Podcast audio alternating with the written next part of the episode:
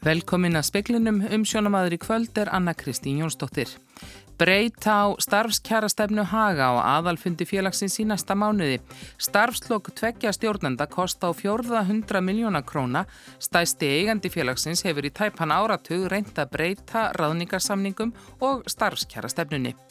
Rýmka á samkominn bann enn frekar 25. mæ og þá verður hægt að opna líkamsræktastöðar. En verður byggðað því að fyrirtæki geti sótt um brúarlánin sem ríkistjórnin bóðaði 21. mars. Vinna við útfærsluna stendur enn og ekki fást sverfi því hvenar henni líkur.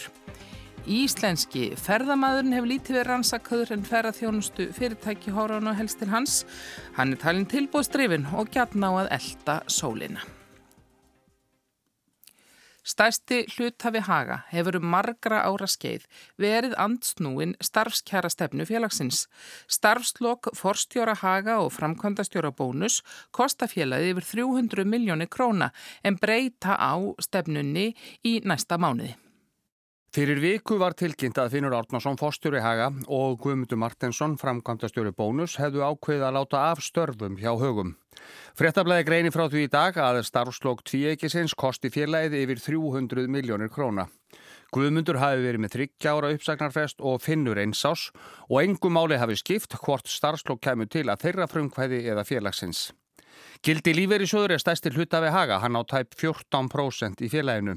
Tæpur áratugur er síðan félagi keifti sig inn í Haga. Átni Guðmundsson, frangvandastjóri Gildis, sagði í samtali við fréttastofu í dag að stjórnendur Gildis hefðu frá upphafi líst sig ansnúna starfskjara stefnu Haga en að ráðningarsamningar félagsins við Finn og Guðmund væri síðan fyrir aðkomu Gildis að högum. Átni segir að Gildi hafi ítrekað andstöðu sína við starfskjara stefnu Haga á hverju maðalfundi í mörg ár en að það hafi verið fyrst í fyrra sem aðalfundur hafi samþygt að endurskoða og breyta stefnunni. Tilstendur að breytinni á aðalhundi félagsins sem halda á í næsta mánuði. Árnin segist ekki geta útilokað að starfslokk Finns og Guðmundar tengist því að til hafi staðið að breyta ráðningasamningi þeirra á næstunni. Jóhann Líðar Harðarsson sagði frá. Hundrað og tveggjára kona í Bólungavík sem síktist af COVID-19 hefur náð sér að fullu. Hún hitti badnabat sitt í fyrsta skipti í dag eftir tvo mánuði í sótkví og einangrun. Helga Guðmundsdóttir býr á Bergi í Bólungarvík. Hún smitaðist eftir að veiran greindist þar innan hús í byrjun april og vektist. Helga er fætt árið 1917 fyrir tíma spænsku veikinar og hefur því lifað tvær heimstyrjaldir og tvo heimsfaraldra. Það er voða gott viður. Já, og stór dagur í dag, þú ert laus úr sóttkví. Já, heldur þú það. Og læknið af COVID. Já, það er gott. Þá veiktist Helga einnig tvísvar af berglum og var í setna skiptið í hálft ára vívilstöðum.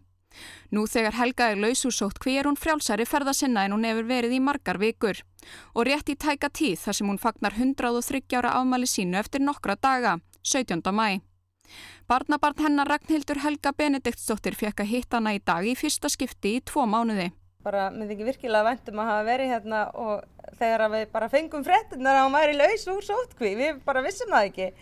Þannig að þetta var bara alveg indislegt, hmm, síðan 12. mass. Við höfum bara haft svona svolítið prógram, ég hef búin að reyna að koma hérna klukkan daglega og þannig að hún hafi svona eitthvað fyrir stafni og hitt eitthvað og við erum búin að reyna að spjalla í gegnum, gegnum klukkan sagði Ragnhildur Helga Bendiktsdóttir. Elsa Maria Guðlögs Drífudóttir talaði hanna og Helgu Guðmundsdóttur. Nánarverður fjallaðum þetta í kvöldfréttum klukkan sjö. Stemt er að því að rýmka samkominnbann en frekar 25. mæ. Hægt verður að opna líkamsræktarstöðvar og þá mega fleiri koma saman en nú er og eftir þetta verður tveggjametrareglan ekki ófrávíkjanleg. Ekkert koronavirusmitt greindist hér á landi í gær þriðja daginn í röð. Þórólfur Guðnason sótvarnarleiknir segir ástæðu til að hraða afléttingu samkomi takmarkana.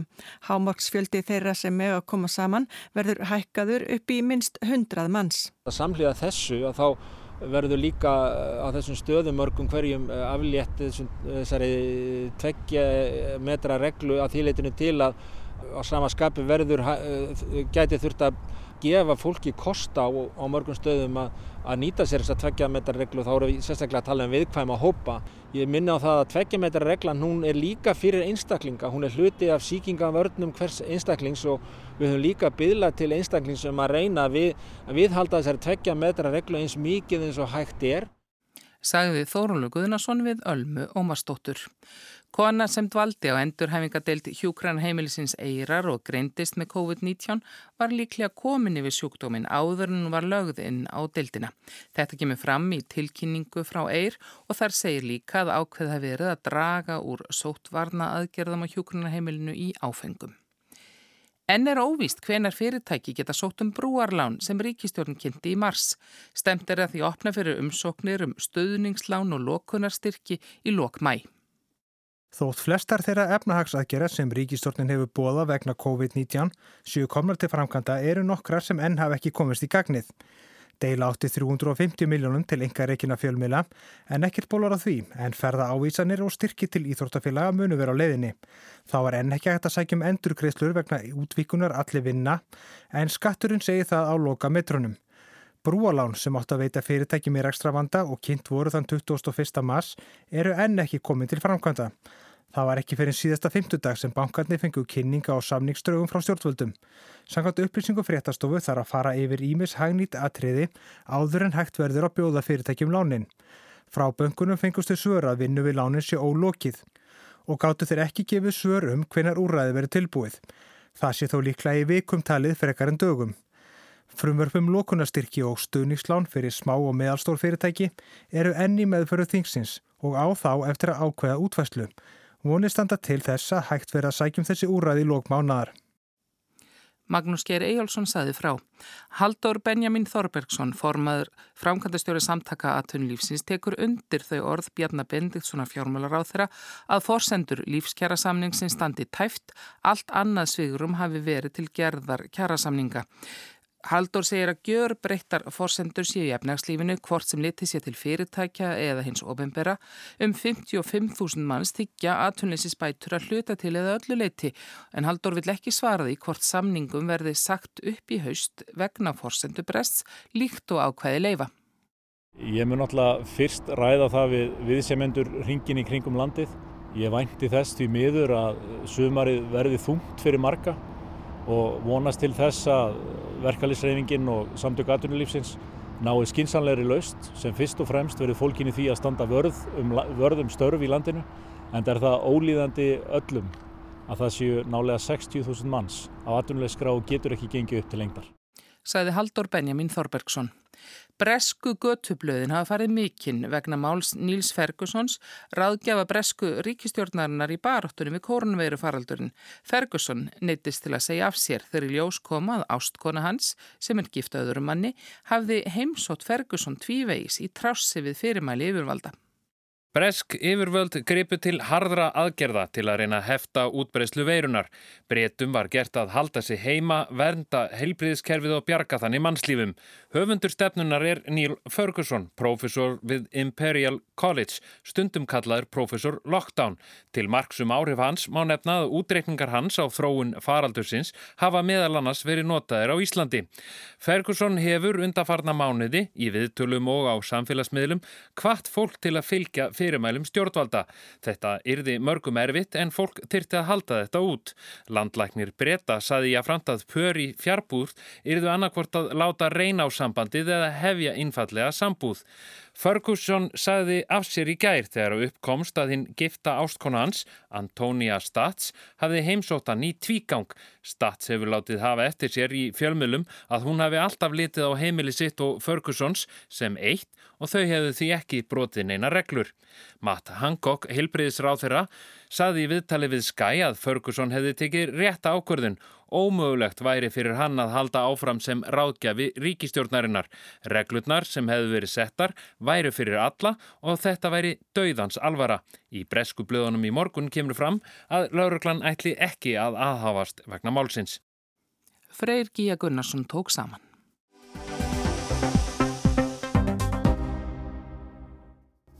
Stingum að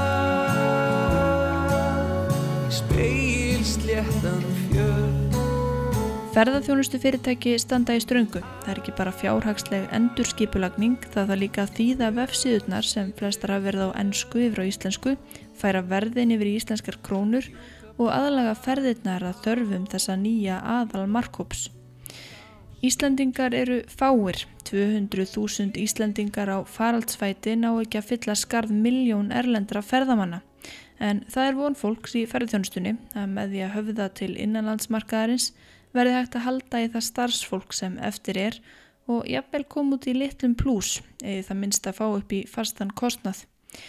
Guðrún Þóra Gunnarsdóttir, forstuðumadur rannsóknarmiðstöðar ferðamála, segir nokkuð vitað um ferðahegðun Íslandinga en ekki nóg. Íslandingar hafi vissulega alltaf verið markkópur, margra fyrirtækja í ferðarþjónustu og það sem við vitum er að eh, við þekkjum svona ferðavennjurnar svolítið vegna þess að ferðamála stofa hefur framkvæmt árlega ferðavennjukannanir í allavega áratug og þá er spurt sko hvert fólk fór, hvaða gerði og hvaða afturrenguða borgaði fyrir, og slíkt.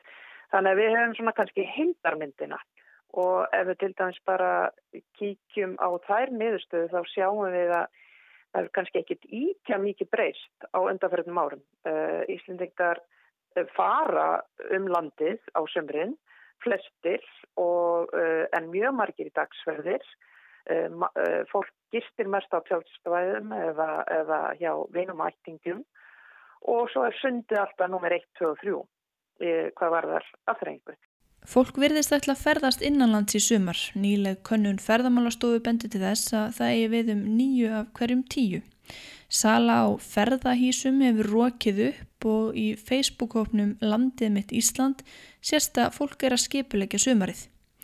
Ferðamálastofa er nú að rannsaka ferða áform fólks í sumar, hvert það ætlar og hvað það getur hugsað sér að gera og niðurstöðunar er að styðja við markaðsáttak stjórnvalda. Guðrún Þóra hjá Rannsónamistu ferðamála segir ennvanta miklu meiri upplýsingar um íslenska ferðamannin. Hann hafi raun verið vanræktur í rannsóknum. Ég held að það sé svona bara áhugaverð orðræða sem að kannski hefur svona síjast inn í okkur ómeðvitað að við séum, það sé að við Íslandingar, við séum ekki ferðamenn á Íslandi. Eitt af því sem Guðrún Þóra segir að aðgreini íslenska ferðamenn frá erlendum túristum er tilneyingin til að elda sólina. Íslendingar séu líti fyrir að tjálta í rigningu en erlendir ferðamenn haldi sig við planið óháð veðri. Tekjurnar ættu að verða mestar í þeim landslutum sem að vinna í veðurlottóun í sumar.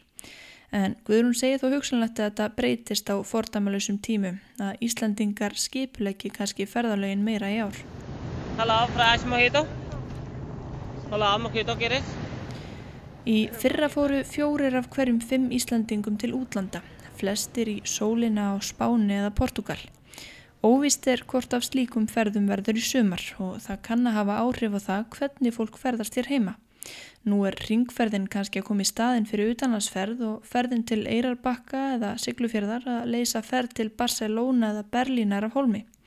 Kannski ætlar fólk að vera lengur á ferðalagi, kannski er það tilbúnar að verja herri fjárhæðum en mikið atvinnuleysi gæti þó líka grafið undan vilja fólks til að eða stórum upphæðum í ferðir og gistingu. En hamlar óvissan ferðarþjónustunni. Það leikur ekki fyrir hversu margir með að koma saman í sumar. Óvissa ríkir um hvort bæjarháttíðir falla niður eða verða í einhverju mynd en þær hafa verið einn aðalsbrautan í ferðarlögum innanlands. Og sama máli gegnir um fótboltamótin sem hafi ekki verið neitt smá mótor í ferðarlögum fólks. Bjarnheiður Hallstóttir, formaður samtaka ferðarþjónustunnar, segir að fyrir ákveðin fyrirtæki ferðarþjónustunni sé ekki eftir neinu að slægjast á innanlandsmarkaði. Hún nefnir til dæmis fyrirtæki sem hafa sérhæft sig í pakkaferðum fyrir Þýskalandsmarkað eða því að þjónusta ráðstefnur. Hún telur að tækifærin liggi helst hjá hótelum og landsbyðinni og hugsanlega einhverjum afþreyingar fyrirtækjum. Margret Björg Björnsdóttir, forstuðumar markaðstofu Versturlands, segir að mörg fyrirtæki siti nú sveitt við reiknivélarnar og ráði ráðum sínum. Hún býst við að einhver stærri hóteli eftir að loka en markaðurum verði þá lífvænlegri fyrir smerri gistiheimili.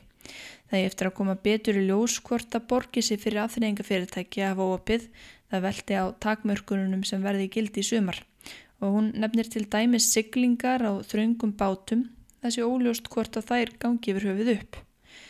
Ljóst er að samkominnbannið mun að einhverju leiti hamla ferðalögum í sumar en það er óljóst hver mikið. Í byrjun vikunar gáfi stjórnvöld út reglur fyrir tjaldsvæði Það þarf að hólfa svæði niður, hafa minnstakosti fjóra metra á milli tjálta og fyrir hverja 50 gesti þurfa að vera tvö salerni sem aðeins þeir með að nota. Þessar reglur takmarka mjög þann fjölda sem að veri getur á tjálsvæðinu. Tryggvi Marinósson eigandi tjálsvæðisins Hamra á Akureyri saði samtalið við vísi í dag að hann gæta óbreyttu einingust teki á móti 200 gestum en tjálsvæði rúmar 2000 manns. Ef að landsmenn mynda nú hjólhísa halarófu á þjóðveginum og hópast í þann landsluta þar sem veðrið er best, verður þá hægt að koma öllum fyrir. Já, segja flestir viðmælendur spilsins, en ekki endilega á tjálsvæðinu.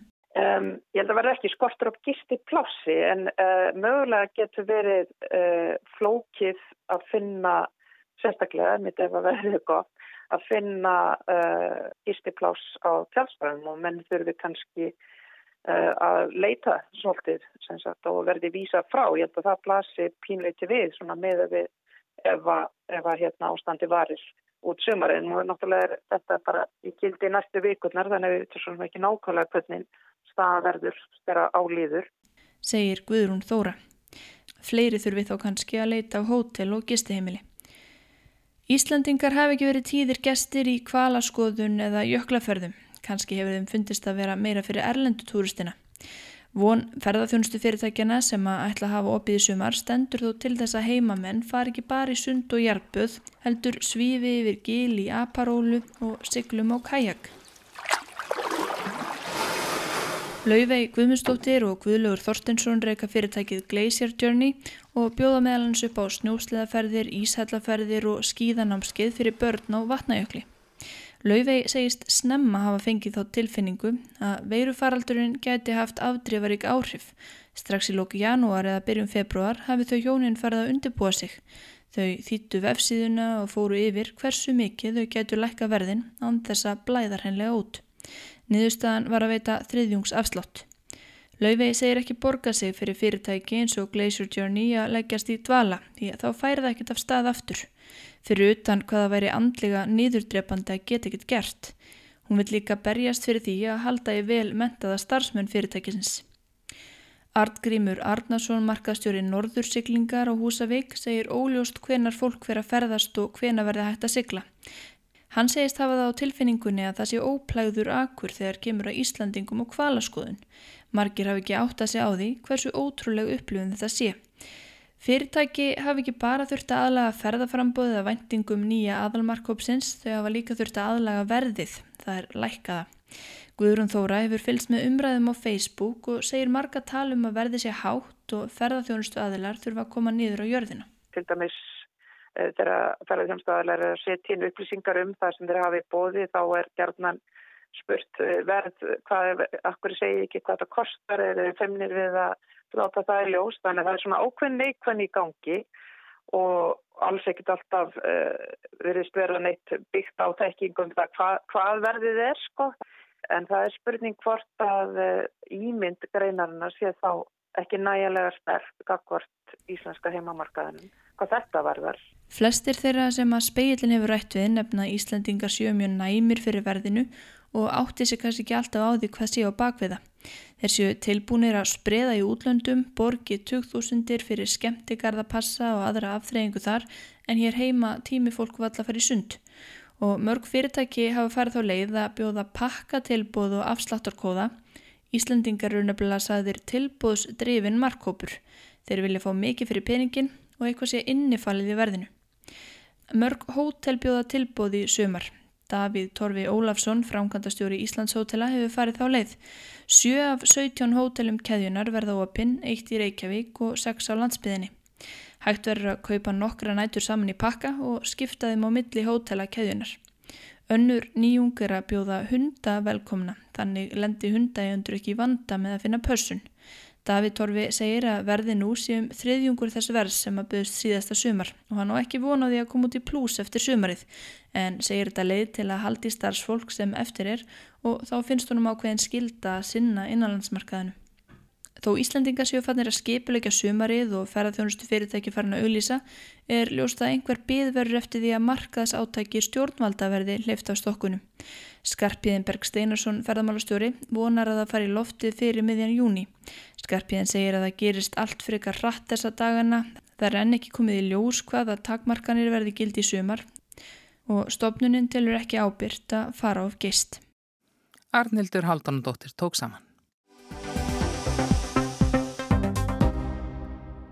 Hlutfall hvenna í stjórnum fyrirtækja sem hafa fleiri en 50 í vinnu var rétt tæp 35% í fyrra og hafði þá hlutfalli hækkað um rúmt prósendusteg frá fyrra ári. Fyrir tíu árum þá voru sett lögum það hlutur hvorskynns í stjórnum fyrirtækja skildi ekki fara undir 40%. Lögum voru samþygt 2010 og tók að gildi að fullu þremur árum síðar en á þeim tíma þá hafa konur ekki náð 40% hlut í stjórnu fyrirtækjana. Hulda Ragnæður Átundóttir er formaðu félagskvenna í atvinnulífinu. Hvað finnst þér um þessar tölur og svona það er byrtast nú með í frétt sem Hagstofan byrtir á vefsínum svona súluritt og það er ekki mikil, mikil reyfing á þeim stöllum þar? Nei, þetta er ekki eins og við myndum vilja sjá þetta, það er alveg klárt og það hefur verið allt og allt og lítil hreyfinga á súlunum okkur í vil á síðustu árum. Og það kom vissulega stökk eftir að lögin voru sett og vantilega vegna þess að fólk hefur regnað með því að, að það yrði einhverju viðlega við því á endanum ef þessu yrði ekki fyllt. En ég held að eins og staðinu núna þá, þá gerist ekkert þátt að lögunum sé ekki fyllt. Og ég held að við eigum mjög erfitt með að, að trúi að það verði eitthvað breyting á meðan að svo er með við þessar einslu sem að komin er. En, en margir hafa talað gegn því, töluð gegn lagasetningunum sínum tíma, hún þarf að vera að þvinga eitthvað fram, þetta ætti alltaf gerast bara af sjálfu sér með aukinni mentun og aðtunni þáttöku hvernig þá hliti þetta breytast. Af hverju hefur þetta ekki gengið eftir? Ég held að við sjáum náttúrulega bara að þessi lög gilda ekki um minni fyrirtæki sem eru með undir 50 starfsmönnum og það hefur nákvæmlega ekkert gerst á þessum tíma. Það er algjörst, hérna, stöðun í þessum fjórðungi hverna í, í hlutvöldum með við karla. Þannig ég held að það sé alveg ljóst að þetta gerist ekki náttúrulega vegna að það, það þarf að íta svona breytingum á stað. Þetta eru mikla breytingar sem að þurfa að verða og ég held að ástæðan kannski fyrir því sem að að við setjum uppið með núna er að, að það hefur ekkert gerst síðan 2013. Laugin voru sett, það var breyting í kjölfarið en við höfum síðan ekki síðan eitt meira gerast og við þurfum að, að fara að fá meiri umræðu um þetta og ég held að, að núna bara þessi umræða um mikilvægi fjölbreytileika í stjórnum geti hjálpa okkur vegna þess að fólk er að sjá hag af því að það séu fjölbreytarattir sem koma ákvarðanatöku og það er á því sem að ég vil byggja mikilvægi þess að við séum með fjölbreyttan hóp í kringum stjórnabaröð. En nú er ekki hægt að segja kannski að þessi umræða sé eitthvað nýja nálinni. Við erum að vísa hérna í tíu ára gamla lagasetningu og hún kom í kjölfar mikillar umræðu. Þannig að hvað hva, hva veldur? Um, mín skoðin er reynda bara svo að það sé alltaf erfitt að taka gæði af einum hóp og færa til annars hóps án þess að, að það, það alltaf, það er alltaf tregða og þetta er, er þannig að, að það er bara ekki nægilegur vilji held ég til þess að, að breyta þessu. Ég held að þetta sé nú bara svipað eins og með umferðarlegin að ég er ekki vissum að fólk myndi virða umferðarraða þó eins og það gerir ef það væri engin viðlög við að keira eins rætt og maður vildi og ég er þess vegna trúið á það að, að það þurfi að koma til einhvers konar viðlög til þess að, að íta þessu yfir þessi mörg sem að, að við erum þó ekki að tala um herra, herri kröfur heldur en 40% af kökunni. E, það kemur líka fram í þessari samantekt að konur eru eins og nefndir áðan það eru innan við fjórðungur stjórnamanna í fyrirtækjum sem eru með færi en 50 manns í vinnu og það eru líka innan við fjórðungur framkvæmda stjóra og stjórnaformana. Já, þetta er bara, þetta er bara leitt að þetta skuli ennþá vera svona vegna þess að nú eru konur í, í miklu meiruluta sem er að útskrifast úr skólum, úr háskólamámi og hafa verið að menta sig mjög vel og, og reikna þannig með að fá þá pláss á þessu markaði til jafnsvi karla með sömu mentun en, en það verðist bara ekki vera raunin og Þetta er bara verkefni sem við höfum til að vinna aðeins saminningu og við erum með frábært verkefni sem að hittir Jafnbæðisvóin sem að við erum að vinna í samstarfi með nokkrum öflugum fyrirtækjum og fórlætsáðanutinu sem sem að snýst um það að fjölga konum í framkvæmda stjórastöðu eða sem stýrs á framkvæmda stjóra hérna, stíginu í fyrirtækinn og ég held að þetta hjálp okkur allt saman uh, bara þessi umræða og það að fá að borðinu fleiri heldur en bara konur til þess að ræða þessi mál vegna þess að þessi, þessi umræða þarf að fara fram hjá kvörlum og konum vegna þess að þetta á ekki að snúast engungum rétt hvenna til þess að taka þátt í, í stjórnun fyrirtækja heldur á þetta snúast um rétt samfélagsins til þess að njóta fjölbreytileikars. En þú heldur að til þess að, að svo breytingi geti orðið að fullnustu þurfi að koma viðurlög til? Það er mín trú.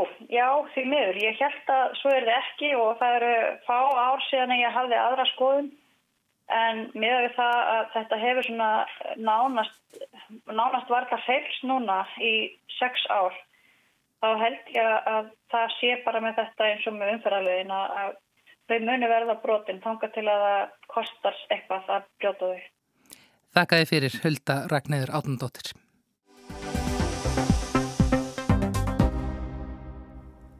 Flórian Snæder, annar stofnenda Þýsku hljómsveitarnar Kraftverk, lést í dag. Sveitin heldur upp á 50 ára starfsafmæli ár og sérfræðingur í sögusveitarnar segir að hún sé með áhrifamestu sveitum rocksögunar. Florian Schneider fættist í Öningen á landamærum Sviss og Þýskalands 7. april 1947 og var því 73 ára. Hann stopnaði hljómsveitina Kraftverk árið 1970 á samt félaga sínum Ralf Hütter.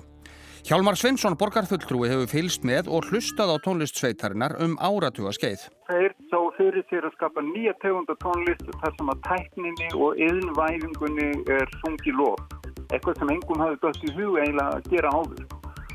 Og uh, þeir gefa út þessu plötu uh, Autobahn 1974 sem að slæri gegn sem að enginn hafi búið við. Þar er er eða synthesizer er notaður til að líka eftir hljóðum á fylskum hraðbreytum þannig að hljóðgjafarnir verða umhverfisljóð og þau kalluðu það þennan nýju hljóðlega tónlist.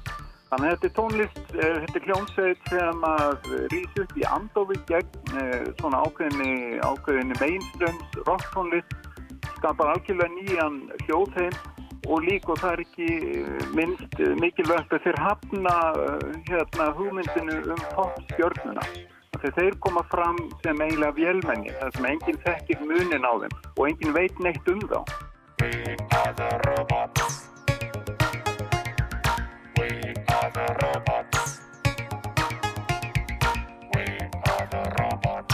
Ég held að kraftverk sé nú þegar og muni verða talinn ein áhrifamesta hljómsveit, uh, uh, popknósi getur við sagt, allra tíma ásamt með bíslónum. Og hljóðheimurinn í tónlist síðuðu 30 ára, uh, segjum hip-hop, segjum techno og svona klúpatónlist, ég kann ekki að nefna þetta saman, hún er rauninni óhugsandi án þessar hljóðheim sem að kraftverklíðar eh, byggur til með frumstæðum hljómgerlum eh, á 8. áratökum.